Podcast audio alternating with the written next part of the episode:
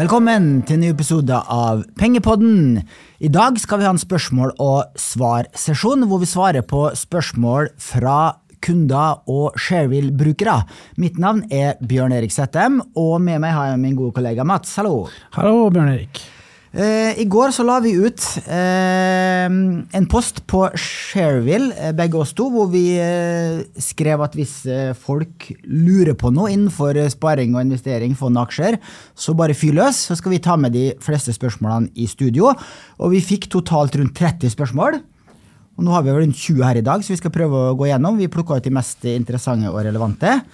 La oss starte med et par spørsmål om kronesvekkelse og valuta, som eh, veldig mange er opptatt av, både sparere og investorer, og de som skal på ferie til utlandet i sommer. Ja, så vi, bare for kort da, Bjørn Erik, så begynner vi med første halvdelen er fond, og det er jo jeg som leser opp spørsmål til deg, og så er det omvendt om aksjer. Bare for å ta det. Ja. Så vi begynner jo da med første spørsmål fra Pinat, Pina Noir, tror jeg det blir på fransk. Eh, kronen har svekket seg ytterligere mot dollar og ligger nå over 11 kroner, som var din trigger, om jeg husker rett. Øker du nå veddemålet ditt i forhold til valutasikring, eller har du fått nye tanker rundt dette? Ja, Dette her er jo et spørsmål til meg, for jeg har uttalt eh, i Pengepodden og skrevet i min kvartalsvise fondskommentarrapport at jeg i eh, fjor høst eh, skrudde på eh, litt valutasikring på min fondsportefølje som jeg har på Shareville. Eh, Da eh, dollaren var, gikk over 10,2, så eh, bytte jeg inn mitt eh, Nordnett globale indeksfond med et valutasikra globalt indeksfond fra KLP, for da syns jeg at eh, kronen var uvanlig svak. Og så har den jo bare svekka seg ytterligere, så det veddemålet har gått i minus så langt. Og så har jeg også sagt flere ganger at hvis eh, dollarkursen kommer opp i over 11 kroner, så skal jeg øke denne valutasikringsgraden. Og det gjorde den jaggu her i forrige uke. Så nå økte Jeg hadde egentlig tenkt å øke fra 25 til 50% men jeg har fått litt kalde føtter. Fordi at eh, flere og flere snakker om at eh, krona skal svekkes eh, ytterligere. Og her for en måneds tid siden hadde jeg en podkast med rente- og valutastrateg i Nordea, Lars Mauland. Og han også ga meg gode argumenter for hvorfor valutasikring kanskje ikke var så lurt likevel. Og han forventa en ytterligere kronesvekkelse, og snakka om at den valutasikrings eh, mekanismen er egentlig ganske eh, eh, kostbar. Ikke bare eh, er det litt høyere forvaltningskostnad i fondet, som er valutasikra, men du har en, en indirekte skjult kostnad når eh, fondet skal rebalansere disse valutasikringsinstrumentene sine hver måned. Og eh, de ti siste årene så har du hatt en ekstrakostnad på 1% i året cirka, i et valutasikra fond, versus et tvillingfond som ikke er valutasikra. Men ja, jeg har økt valutasikringsveddemålet, men jeg er jaggu ikke sikker på om det er så smart. Spennende. Eh, Da er det Rikesen som spør deg om et spørsmål, også om kronekursen. Eh, tanker om den svake kronekursen og utviklingen fremover? Det er jo et veldig bredt eh, spørsmål, selvfølgelig, men jeg antar at du har litt meninger om det. Jeg har i hvert fall det. Ja, eh, jeg har sett undersøkelser som viser at der hvor eh, økonomer eh, har lavest grad av eh, treffsikkerhet, det er på valutaprognoser. Det er lettere å spå renteutviklinga og boligprisutviklinga, aksjeindeksutviklinga, enn å spå valutakurser. Ingen vet hvor valutakursen hopper og spretter, eh, er mitt inntrykk. Ja, det er jo verdens største kapitalmarked, eh, og dertil verdens største handelsplattform, for å si det på den måten. Så det er jo ja, veldig vanskelig å si. Så det er jo et nullsumspill i, i utgangspunktet. Det det, og, men men det, det er jo eh, som hovedregel Hvis eh, en valuta er ekstremt svak, så er det en viss form for eh, min reversion-sammenheng, hvis du ser tilbake i tid, siste 50 år f.eks. Men eh, det er veldig vanskelig Men eh, det kan være gode årsaker til at norske kroner da, eh, spesielt er så svak nå. Eh, Det er jo eh, mm, eh, Rentedifferansen mot utlandet er jo veldig liten, og, og faktisk negativ også mot eh, en del land. Det er lite attraktivt å investere i norsk økonomi, norsk næringsliv for tida. Eh, Det er mange gode forklaringer på hvorfor krona er så svak, og det kan hende at dette nivået vi er på nå, er den nye normalen de neste fem til ti årene? Hvem vet? Ja, I hvert fall hvis ikke man begynner å skjerpe seg og legge til rette for industri og tiltrekke seg utenlandsk kapital. Eh, fordi det, Jeg har også sett det som du sier, Bjørn Erik, med rentedifferanse. Men se på Sveits. da. De har lavere rente enn Norge, og den sveitserfrangen har styrket seg 15-20% til norske krona siste, siste året. Så det kjøper ikke helt den rentedifferansen. Det er nok, som du sier også, at uh, Norge er et svært lite attraktivt land å investere i blant utlendinger. Da, og da mister man selvfølgelig masse handling i krona. Det gjør det, og Sveits Sveits og den sveitsiske frangen er jo sett på som eh, veldig solid. Folk og investorer vil investere i sveitsisk økonomi, sveitsisk næringsliv. Folk flytter til Sveits med milliardene sine, vet vi. Så Sveits tiltrekker seg masse utenlandskapital, mm. og da eh, etterspørres sveitsiske frang også. En helt annen eh, målestokk enn eh, den upopulære norske krona. Mm, Men eh, jeg vil reklamere litt for den podkasten jeg hadde med han Lars Mauland i slutten av april. Eh, den heter 'Hvorfor er eh, norske kronen så svak?' tror jeg den heter. Bare spol tilbake i arkivet, og der snakker vi en time om akkurat det her. Mm. og Da får dere eh, mye bedre innblikk i eh, kronekursen og for og mot eh, valutasikring. Ja. Ok, Da er det videre. Da er det litt annet tema. Da er det fornybar energi. og da er det Ja, For nå er det noen fondsspørsmål i fortsettelsen her. Ja, stemmer. Eh, da er det Gunnstrand som spør om hvordan tror dere utviklingen vil gå for fornybar energi fremover, som Storbrann Renewable Energi? Ja, altså... Jeg hadde jo også eh, besøk av eh, forvalteren i Storbrann Renewable Energy her for Eh, en måneds tid siden. Og eh, det var Philip Ripman. Han var, han var, inntil nylig forvalter for det fondet, og nå er han da forvalter for Storbrann Global Solutions og leder for dette bærekrafts- og solutions-teamet i Storbrann. Og eh, etter jeg hadde den podkasten, så ble jeg styrka i troen på at fornybarsektoren vil eh, gjøre det bra fremover, og da ha god sjanse til å slå verdensindeksen. Eh, de neste årene. Kan, eh, kan jeg spørre hvorfor? Ja, altså eh, eh, Philip eh, snakka jo seg varm om de ulike driverne for disse fornybarselskapene. Og i USA så har de jo den Inflation Reduction Act, som sier det at amerikanske myndigheter skal eh, støtte og gi store subsidier til investeringer innenfor fornybarsektoren fremover. I US eh, og i Europa har du en eh, tilsvarende eh, støttepakke, Green Deal kalles den, som vil kanalisere massive investeringer inn i fornybarsektoren fremover. Jeg skal ikke jeg være djevelens advokat, men så salgsargumentet er egentlig at det blir en subsidiefest, da? Ja, det, det er Kan du si. Til en viss grad så er det det. Og at investorer også vil jo gjerne ha ESG-investeringer, selv om vi har harselert en del med det her i studioet vårt, om at det er vanskelig å si hva som er et ESG-selskap, hva som er en ESG-investering, så er de store pengene der ute, pensjonspenger, sovereign wealth funds og lignende, de er veldig tydelig retta mot ESG-vennlige investeringer. Mm. Eh, og så må jeg si at eh, det er jo flere andre fornybarfond eh, også vi har på plattformen vår. Eh, det er jo Handelsbanken, bærekraftig energi, er jo et, et stort fornybarfond. DNB Miljøinvest likeså. Fondsfinans har et som heter Fondsfinans fornybar energi.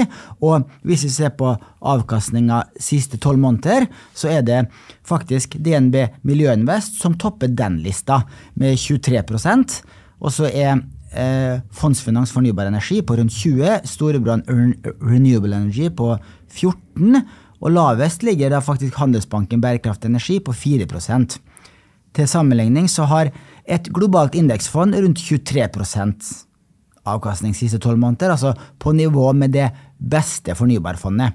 Og så vet vi jo det at disse fornybarfondene svinger langt mer enn et globalt indeksfond, så vær klar over det hvis du kjøper et av disse fornybarfondene. Så forvent større svingninger enn eh, et globalt indeksfond, for det er jo da en liten sektor eh, eh, som er ganske volatil.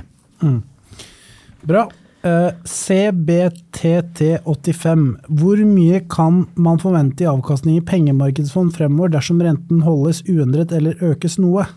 Ja, nå i øyeblikket så har de norske og nordiske pengemarkedsfondene en løpende avkastning eller effektiv rente på mellom 4 og 5% Jeg sjekka noen fond nå, og i nedre del intervallet så ligger KLP-likviditet, det har vi rundt 4,0.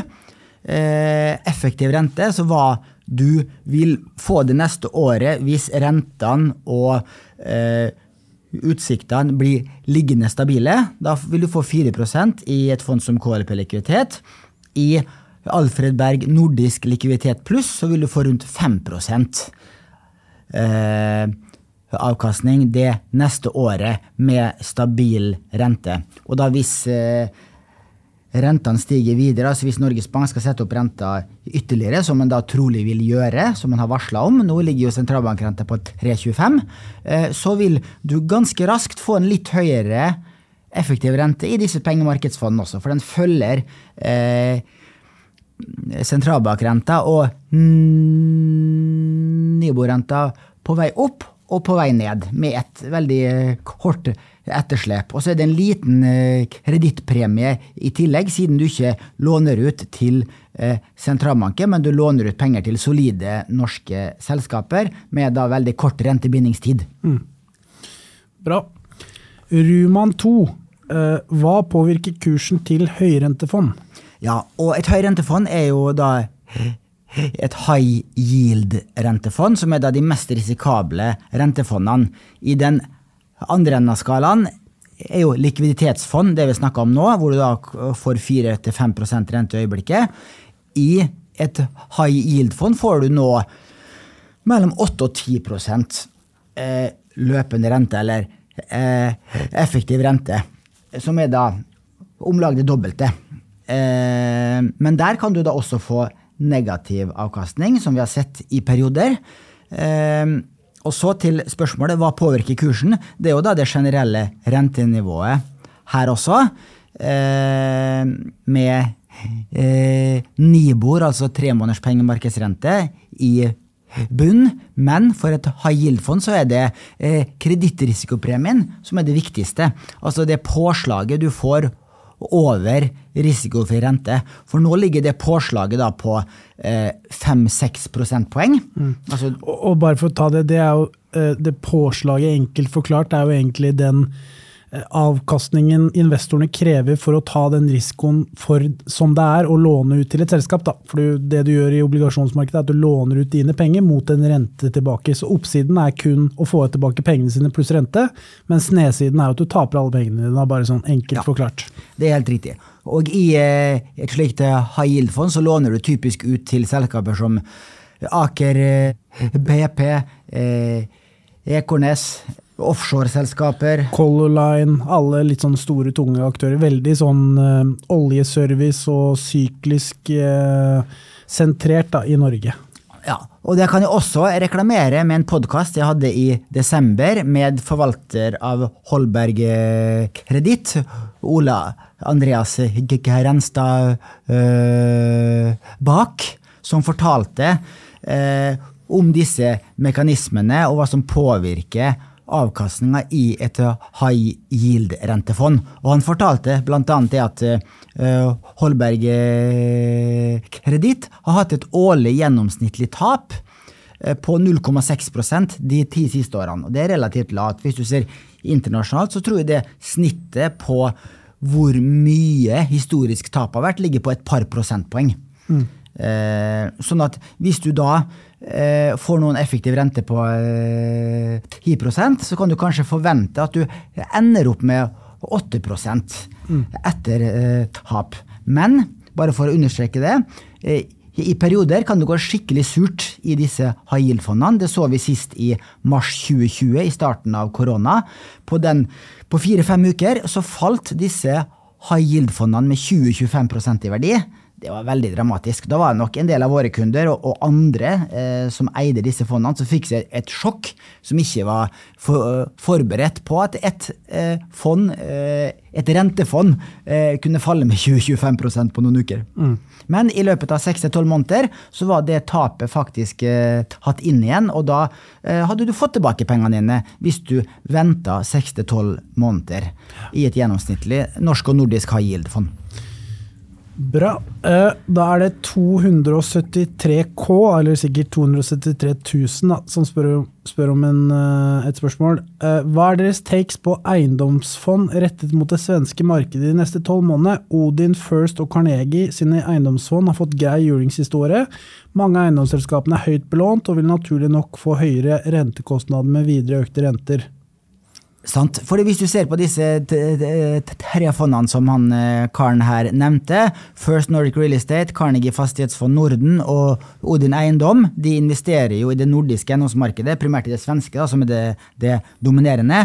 Eh, siste tolv måneder, i norske kroner, så har du tapt mellom 26 og 33% Og i svenske kroner da, har du tapt enda mer, fordi at eh, kronesvekkelsen har hjulpet oss her også. Så det er dramatiske eh, verdifall det er snakk om her.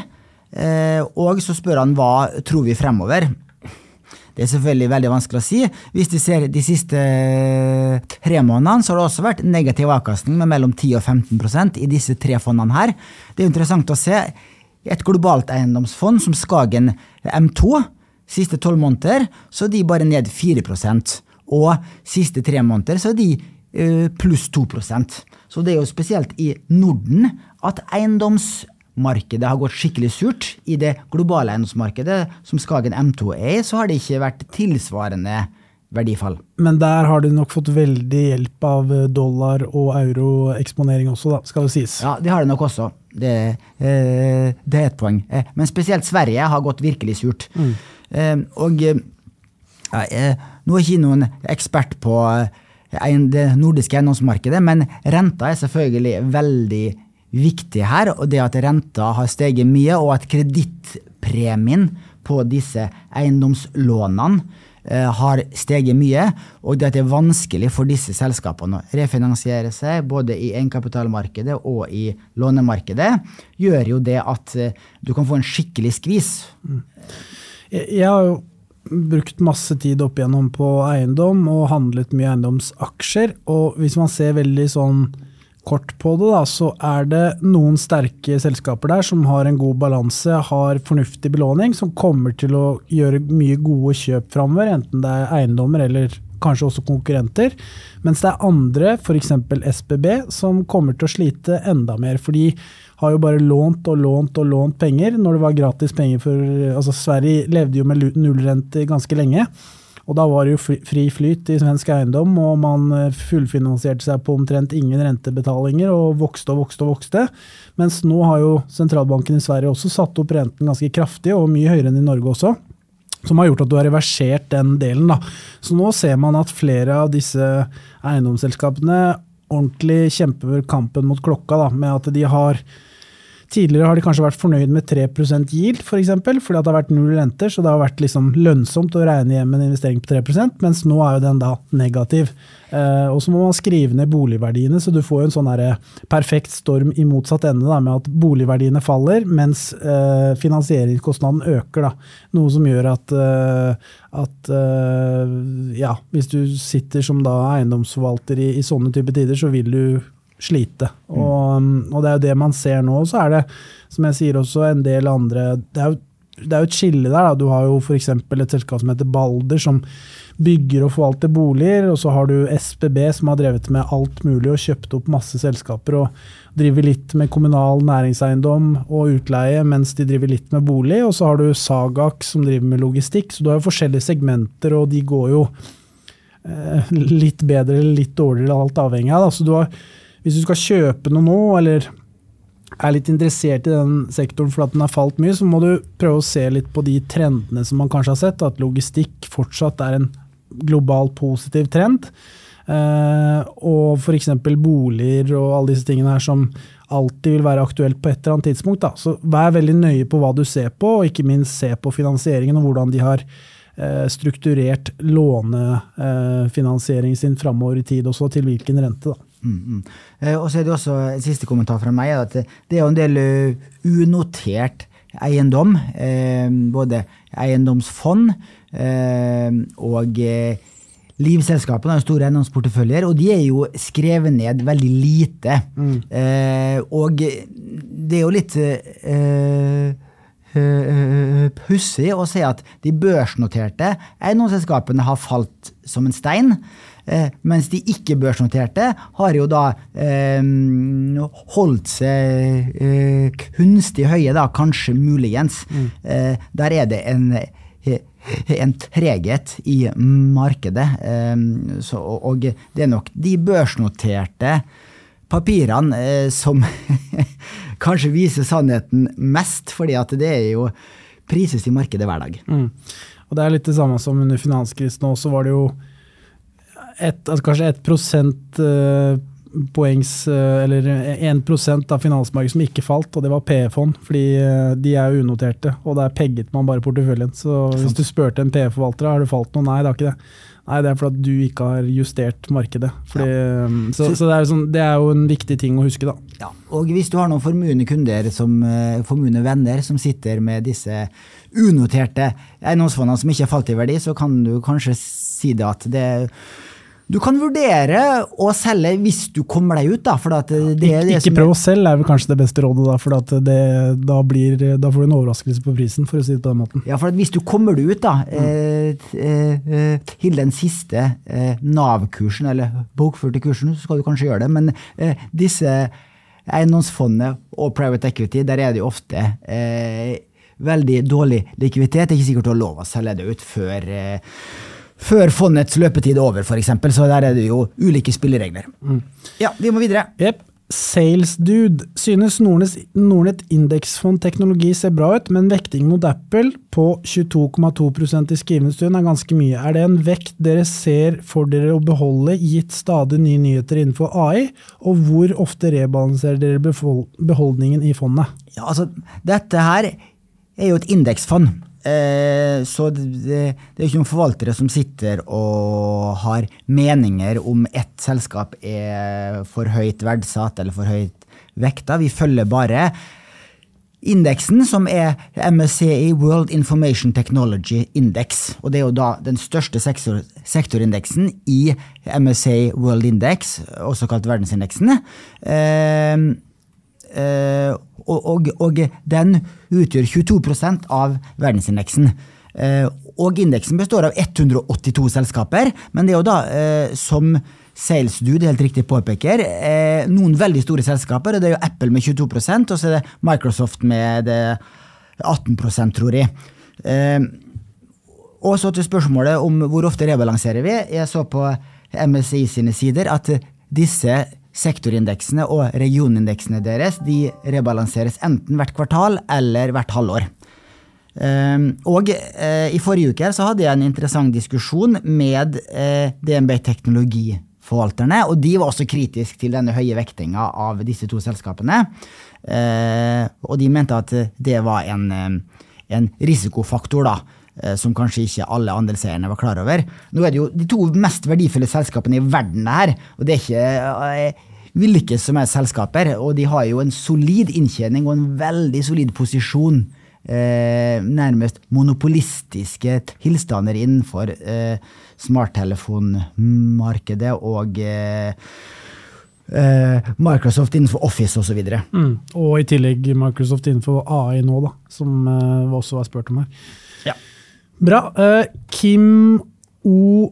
Kimonix Uh, spør hvis dere hadde hatt 100 000 kroner å fordele i fond, ville dere da f.eks. hatt 10 000 kroner i ti forskjellige fond, eller 25 000 i fire forskjellige fond? Ja, altså eh, Folk flest holder det med ett fond, egentlig. Spar i et globalt indeksfond. Da har du spredd pengene over store deler av verden, du har lave kostnader. Og I tillegg da til å spre pengene eh, geografisk, så er det også viktig å spre pengene ut i tid. Og det gjør du da enkelt med en månedlig spareavtale.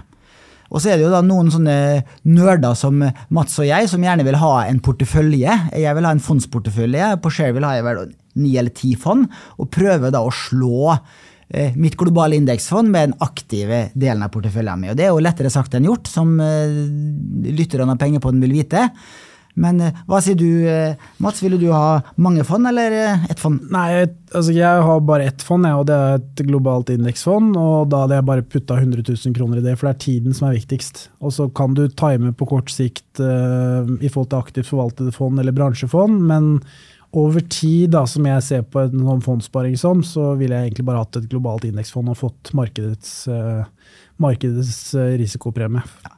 Det er bare én ulempe med et globalt indeksfond, det er at det er så kjedelig å spare i. Eh, hvis du vil lære mye og eh, følge med og ha det som hobby, så eh, kan du gjøre som vi gjør, da, og eh, sette sammen en eh, portefølje av flere fond og flere aksjer, og så prøve å slå markedet og lære. Om du ikke slår markedet, så får du i hvert fall masse nyttig læring, og du kan eh, prate og diskutere med venner og kjente. Mm. Eller eh, kjøp et globalt index, så kjøper du én til to aksjer for å svette litt, da. Da skal vi over på neste tema, det er enkeltaksjer. Og da er det et spørsmål til deg, Mats. Det er fra Holstad Ino11. Eh, hva tror du om flyaksjer? Er de solide nå inn mot sommeren? Ja, her har jeg flere tanker. Uh, hvis du ser på kursen i Norwegian, så er vel det en av de topp fem beste performerne så langt i år. Uh, så Norwegian-kursen har jo steget veldig bra. Eh, nå står vi jo overfor en, en historisk god sesong, altså inn mot sommersesongen. Det er jo da de fleste reiser på bamseklubb og Ibiza, og litt avhengig av hvor du er i livet. Så det er jo klart det det indikerer jo på at det skal gå bra, og det er stor etterspørsel for billetter osv. Men det jeg har sett nå da, den siste tiden, er jo at denne inflasjonen og prisstigningen har begynt å bite ganske voldsomt. Så nå så jeg en undersøkelse fra NHO Reiseliv som sier at eh, jeg tror det er opp mot halvparten av de som, eh, som hadde bestilt flybilletter, nå har kansellert de. Rett og slett for at du har ikke råd lenger. Da. Og som vi var inne på i innledningen av sendingen, Bjørn Erik, så har jo både dollar og euro styrket seg voldsomt, eh, noe som gjør at eh, kjøpekraften vår i utlandet er jo svært, svært begrensa. Noe som gjør at eh, jeg tror at ja, det er den beste sesongen for flyaksjer nå. Og hvis du, kjøpe, hvis du skal kjøpe flyaksjer, så må du gjøre det nå, for det er nå de tjener mest penger. Men samtidig så tror jeg at de makroutsiktene vi nå står overfor, og den hverdagen vi lever i, gjør at veldig mange kommer til å feriere hjemme i år, fordi at man rett og slett ikke har råd til det. Jeg personlig har ikke råd til å dra til utlandet nå. Mm.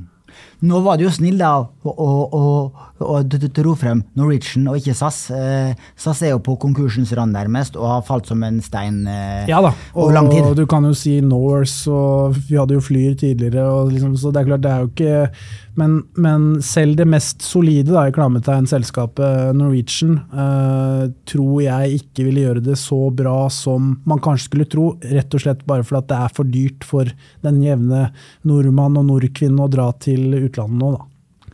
Sant. Eh, da skal... bare for å skyte inn også, det er jo også dyrere billettpriser nå fordi råvarene har steget, og det har vært inflasjon over hele fjøla, da, både for forbrukeren, men også for flyselskapet. Så det er dyrere å drifte det flyet også. Altså, du har flere faktorer her som gjør at både på selskapsspesifikke ting og selvfølgelig privatøkonomisk, som gjør at jeg tror at den inntjeningen blir litt lavere enn hva man kanskje skulle tro. Men som langsiktig investering så har jo det vist seg at flyselskap er en dårlig investering. Så du skal ikke satse brorparten av den langsiktige sparing på flyselskap, vil jeg påstå. Ja, nei, nei, det må du ikke finne på i det hele tatt. Men det er klart, som jeg sa innledningsvis, er det, er det liksom en periode du skal kjøpe flyaksjer, da, så er det jo nå. Men jeg tror det er dårligere nå enn det det har vært tidligere, nettopp fordi at det er for dyrt for de fleste å dra til utlandet. Eh, neste spørsmål er fra V. Philip. Hva tenker dere om laksesektoren fremover? Eh, hvem bør man satse på? Ja, Her er jo jeg litt inhabil, for så vidt, for jeg eier jo ganske mye i verdens største lakseprodusent, Movi. Eh, men jeg skal prøve å være objektiv, da. Eh, og nå har vi i hvert fall fått ett svar som har vært bra. Vi har fått denne grunnrenteskatten. Den var jo tidligere forespeila på 40% men nå er den da blitt vedtatt å være på 25% så da vet man i hvert fall det. Eh, når det gjelder eh, disse aktørene, SalMar, Movi, Grieg, Lerøy osv., så, videre, så har jo de pauset alle sine investeringer i Norge. Og jeg tror jo spesielt Movi da, kommer til å satse veldig mye mer utenlands for å unngå denne skatten. Da. SalMar litt verre, for de har stort sett sin biomasse og sine fabrikker rundt omkring i Trøndelag og på Trøndelagskysten. Men jeg tror at vi kommer til å se mye mer utenlandske investeringer fra disse norske lakseselskapene, nettopp bare for å unngå den skatten. da. Så hvem du skal satse på, det blir jo selvfølgelig vanskelig. Det er solide aktører alle sammen, og godt finansielt drevet. Så, men sats på en stor en er mitt tips, da, fordi de har eh, økonomiske muskler og ikke minst innsikten til å på en måte kunne ekspandere på lønnsomme måter, til tross for denne grunnrenteskatten. Mm. Neste fra Uchi. Hvordan er markedsutsiktene for ulike råvarer? Hvilke råvarer handles til unormale verdier? Hva er årsaken til at naturgass og kobber handles på lave nivåer? Hvilke råvarer underpresterer, overpresterer i 2023? Og finnes det noen sykliske tendenser der råvarer styrker seg eller svekker seg i løpet av andre kvartal? Ja.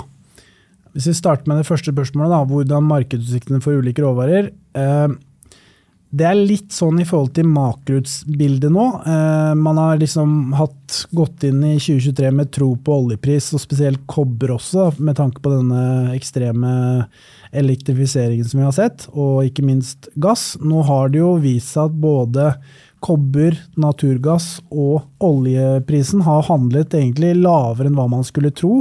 Og mye av grunnen til det er jo selvfølgelig denne oppbremsingen i det globale eh, markedet. Da. Hvis du ser på f.eks. Eh, hvis man tar kobber da, som, et, uh, som er liksom det man kaller for doktorgrad innenfor økonomi, for det er innenfor alt mulig, så kan man koble det til f.eks. bilsalget, og det er jo kraftig ned nå. For det er jo ingen som har råd til å kjøpe bilen. Og se på Finn, så ser du jo bilen din, Bjørn Erik. Den ligger jo og gis omtrent bort, ikke sant? Den Porsche, ikke, Porsche Taycan. Jeg skal ikke selge den nå, altså. Nei. Og det, ikke selge liksom, hønser ennå. Nei, ikke sant. Så du, du ser at uh, at uh, bilsalg og sånne type ting, altså forbruksvarer som da var ekstremt uh, stor etterspørsel etter i 2020 og 2021, nå er omtrent null. Uh, og Det får jo innvirkningen på etterspørselen etter disse råvarene. Man ser at man har hatt en mye mildere vinter i Europa enn hva, hva som har vært vanlig, ergo gassprisen har falt. Og så ser man også at hele økonomien er kall det, har lavere veksttakt enn tidligere, noe som gjør at oljeprisen også får en hit. da. Så jeg tror man kan tilskrive eh, kall det markedsutsiktene for råvarer veldig sånn korrelert med at vi er i en lavkonjunktur nå, og det gjør også at alle råvarer eh, stort sett øh, handler til, kall det, lavere verdier enn hva man kanskje skulle tro, da. Mm, mm. Jeg kan også legge til at, at eh, vi har jo eh, rundt 20 eh, ETF-er som eh, investerer i ulike råvarer. Og da er typisk den eh, Bloomberg eh, commodity-indeksen eh, som disse råvare-ETF-ene følger. Og hvis du ser på kursutviklinga der, så eh, har den eh, vært negativ med rundt 20% det siste året. Eh, det er jo målt i euro, disse ETF-en her som regel, så ikke norske kroner. Eh, men eh, fra starten av eh, korona i første halvår 2020 og frem til januar 22 ca., så steig jo disse råvareprisene voldsomt. Og disse ETF-ene gikk jo opp med 50-100 i den perioden der. Men da i, i, løpet av fjoråret og nå så langt i år, så har det også vært negativ avkastning i disse breie råvareindeksene og breie råvare-ETF-ene. Mm.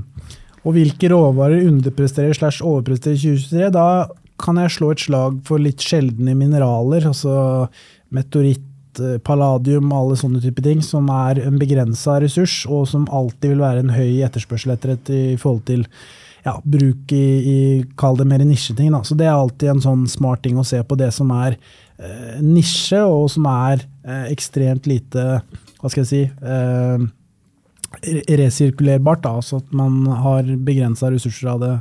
Eh, fortsatt. Eh, så det ville jeg sett på da, i hvert fall. Mineraler. Eh, og finnes det noen sykliske tendenser der råvarer styrker slash vekker seg i løpet av Q2? Det er jo litt kort sikt, men alt flyter jo egentlig med makroøkonomien. Og sånn som det ser ut nå, så ser, jeg, så ser jeg ikke noen spesielle triggere for at råvareprisene skal gå i taket. Da må eventuelt økonomien bedres enda bedre. Mm. Neste spørsmål fra en som kaller seg langsiktig. Hvordan vurderer dere utsiktene for olje- og gassektoren på kort og, lang sikt? Det er litt det samme som vi var inne på i forrige spørsmål, men uh, du kan si det er en positiv faktor nå er at du går inn i driving season i USA. Det er altså feriesesongen, der det kjøres mye mer bil, noe som indikerer at etterspørselen skal stige litt. Så har man også selvfølgelig OPEC som følger nøye med, og som gjerne er på kuttsiden i forhold til det å stabilisere markedet på relativt høye priser.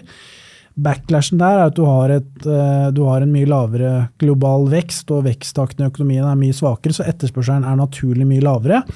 Så du har en sånn balansegang der, da, at jeg tror ikke nødvendigvis at, uh, at på kort sikt at du vil få noen sånn voldsom booming i forhold til innenfor olje eller gass. På lang sikt så tror jeg det kan bli mer interessant, fordi du kommer til å komme en vinter igjen. og man vet at man klarer ikke å, å, å si, brødfø den europeiske befolkningen på sol og vind og hydrogen og alle de der grønne greiene.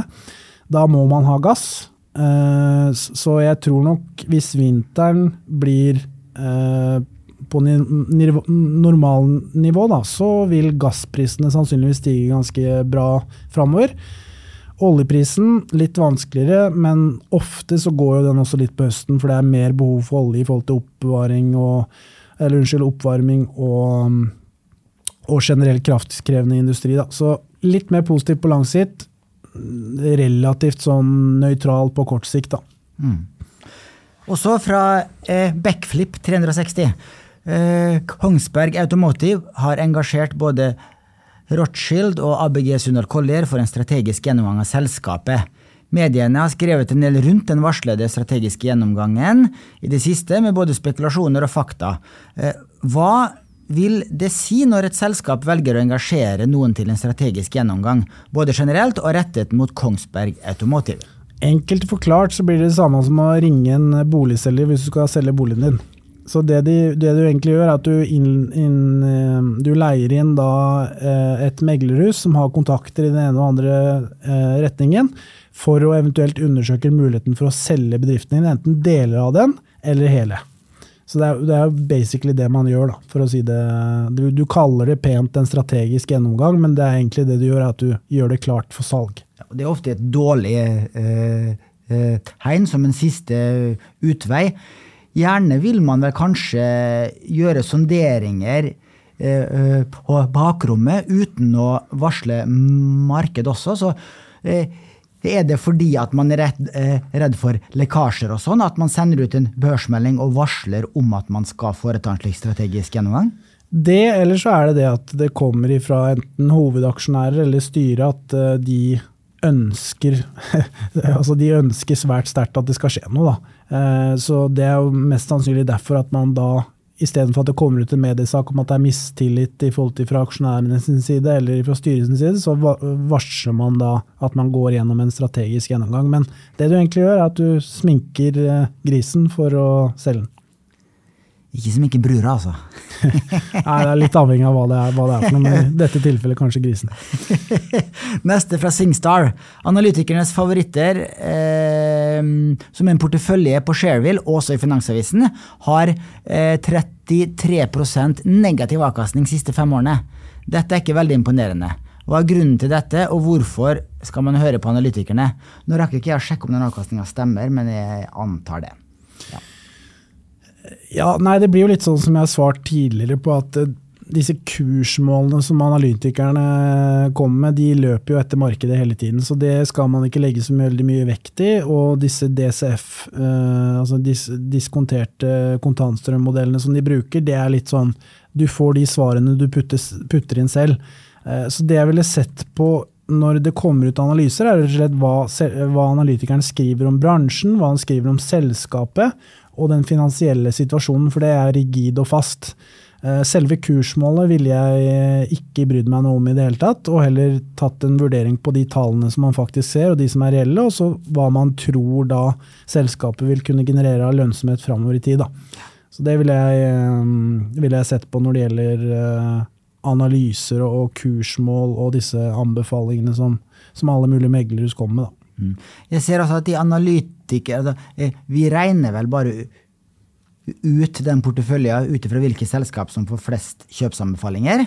Ja. Eh, og eh, eh, i hvert fall vår eh, portefølje den viser veldig svak langsiktig avkastning, vet jeg. Men jeg ser at eh, DN har vel en sånn ekspertanalytikerportefølje som har vist bedre avkastning. Eh, og, eh, men, men det, er, det, er, også viktig å si at det er jo papirtrading. Samme som Finansavisen sin sånn innsideportefølje, så er det papirtrading. Og da er det veldig enkelt å lage en god avkastning. Ja, hvor du kjøper eh, til en kurs, ja. eh, som er da sluttkurs fredag f.eks.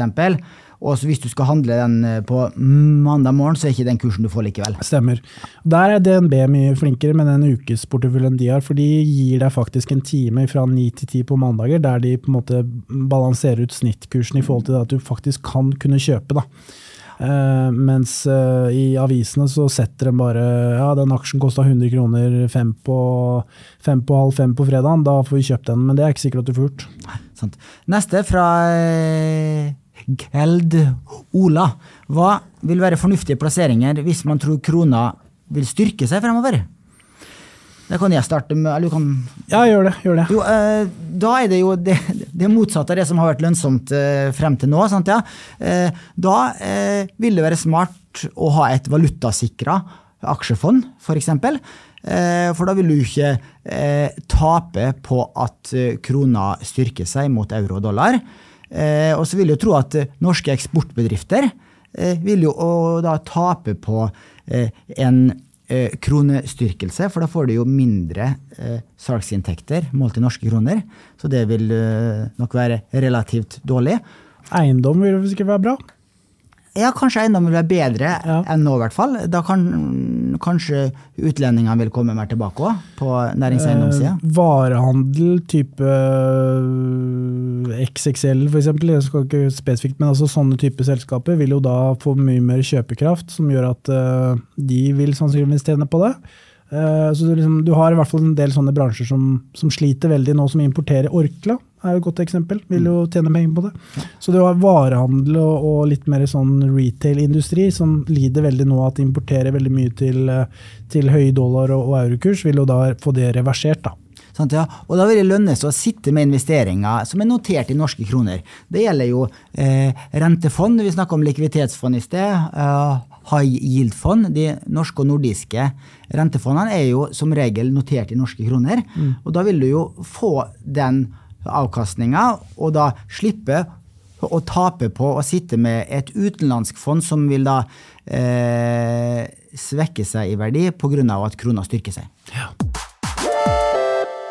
Da skal vi litt over på spørsmål om eh, Nordnett-plattformen og Shareville og lignende diverse. Eh, eh, det er et spørsmål fra Dairek. Direk. Hva synes dere om den nye podkasten Stock Up, laget av et par småsparere? Eh, blant andre han far på Sherville. Og jeg hørte faktisk eh, et par episoder her, både nå da jeg fikk det spørsmålet her, og for noen uker siden da, da han far på Sherville gjorde meg oppmerksom på Eh, podkasten sin. Og jeg syns det var interessant, det. Den første episoden den har jo eh, hittil Dividend eh, Growth Investing. Og den var bra. Også den siste episoden nå, som heter Alt går opp. Det er også, jeg, jeg synes det er morsomt at privatpersoner og hobbyinvestorer lager egne podkaster. Jeg vet at det er tidkrevende, og du må gjøre mye research i forkant og sånn. Min, eh, noen eh, tips på veien er at i hvert fall for mitt vedkommende så syns ikke det er så interessant å høre hva eh, dere mener om markedsutviklinga fremover, hva dere tror skjer med renter og lignende, der tror jeg at proffe fondsforvaltere, proffe analytikere, har eh, Det er mer interessant å høre på de. Men det dere har spesiell kunnskap om, det er jo deres investeringsstrategi. Det med at dere investerer i utbytteaksjer. Eh, hvorfor gjør dere det? Hvordan eh, ser investeringsstrategien deres ut? Eh, på hvilken måte reinvesterer dere aksjeutbytter? Jeg syns også det heiset dere hadde om Tomra, som er da en eh, eh, kvalitetsaksje, en utbytteaksje, og den diskusjonen dere hadde om det selskapet var for dyrt eller ikke, var veldig interessant. Bra, bra, ikke Roger er her nå.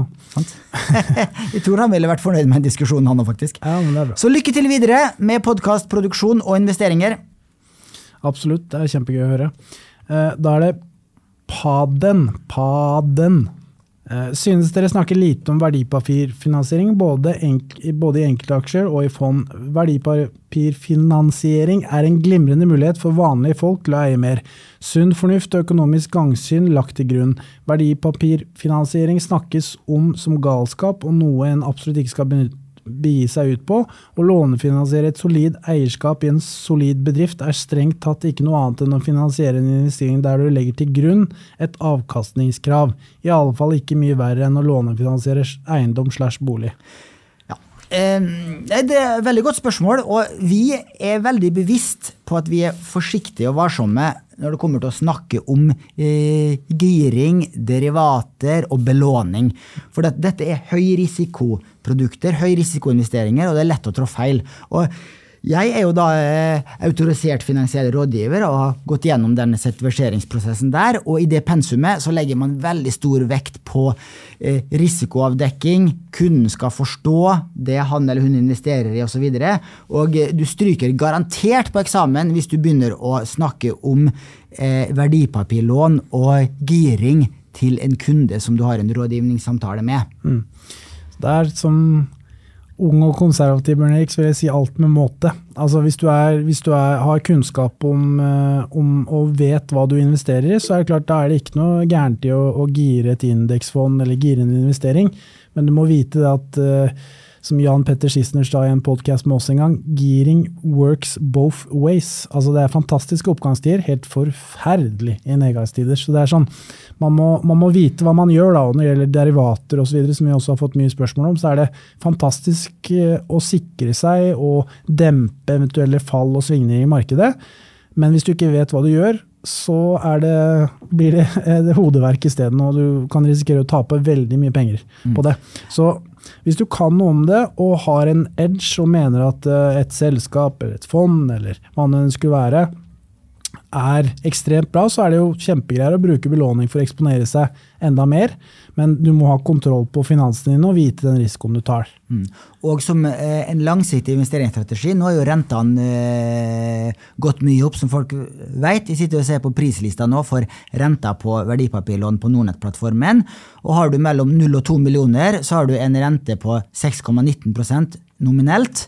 Hvis du står over eh, 10 millioner, så får du jo en veldig gunstig rente. Da er den jo på 4,29% som er omtrent på boliglånsrentenivå.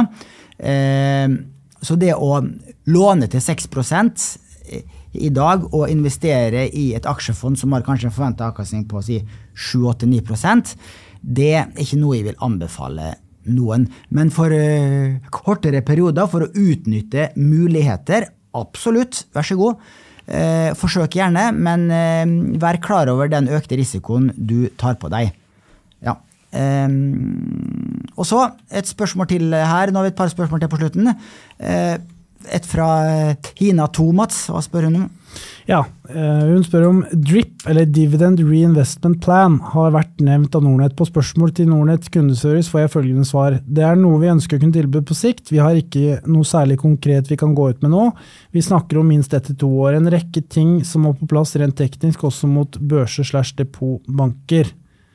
Eh, har dere noe som helst info om temaet å komme med? Hvorfor har ikke en stor og seriøs aktør som Nornett kommet med DRIP for lenge siden? Ja, eh, dette her vet jeg er etterspurt av eh, en rekke kunder, og da spesielt disse, disse utbytteinvestorene våre, som vi har en hel del av. Og vi har jo laga en veldig god utbytteside på Nordnett nå, hvor du kan se historiske utbytter, kommende utbytter. Du kan eh, klikke den ned og se hvor de kommer fra osv., som vi veldig, har fått veldig mye skryt for.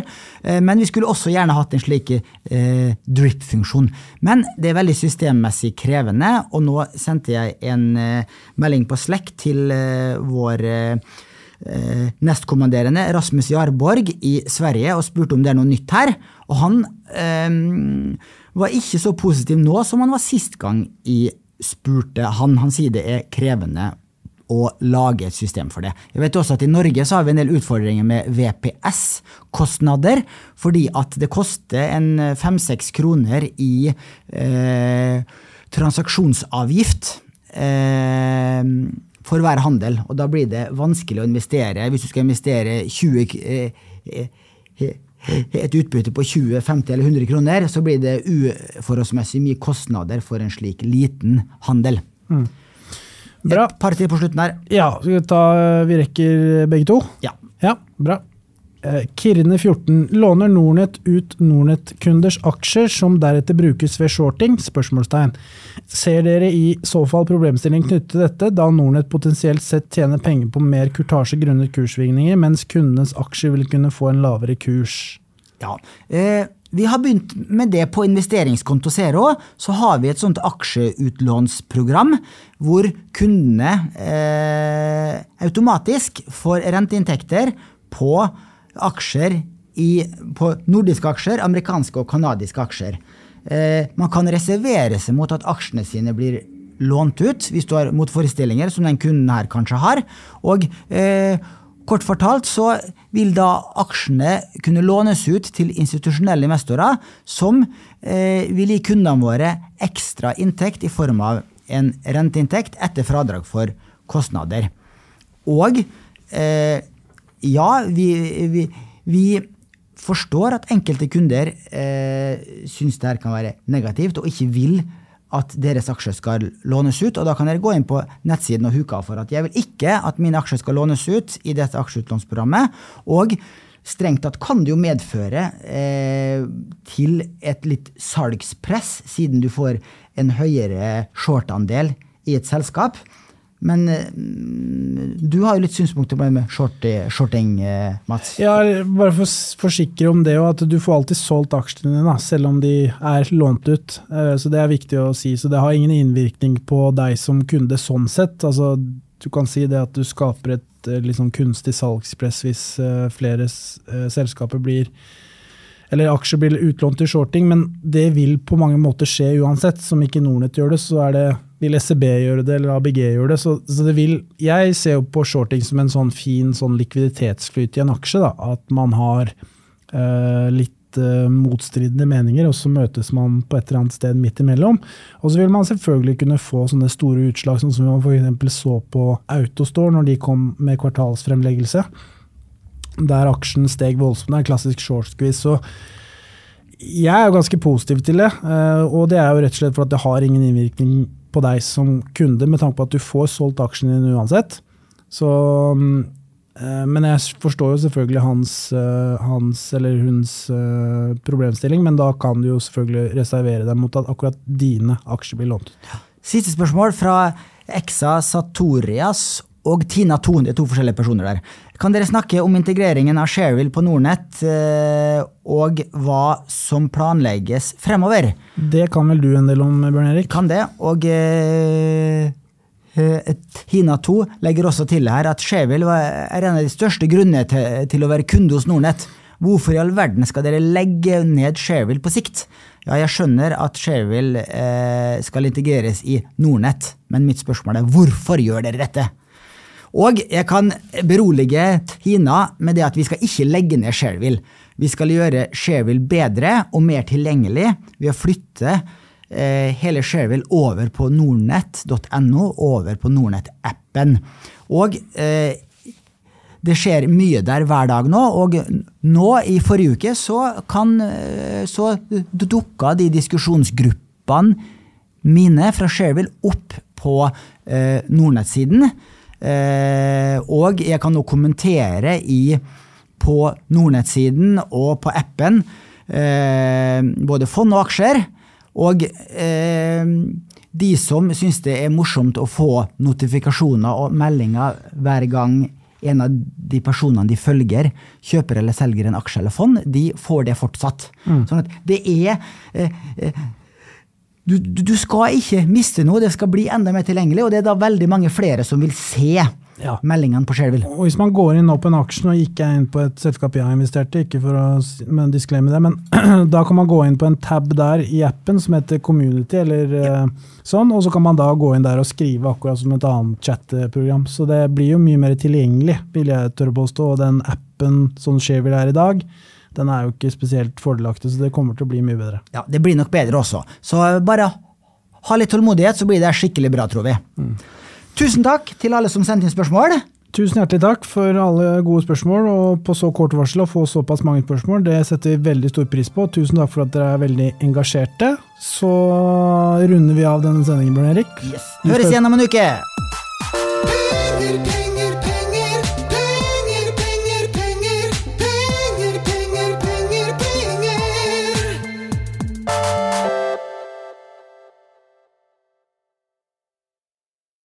Denne podkasten skal anses som markedsføringsmateriell, og innholdet må ikke oppfattes som en investeringsanbefaling. Podkasten er kun ment til inspirasjon og informasjonsformål. Nornett tar ikke ansvar for eventuelle tap som måtte oppstå ved bruk av informasjonen i denne podkasten. Les mer på disclaimer på nordnett.no.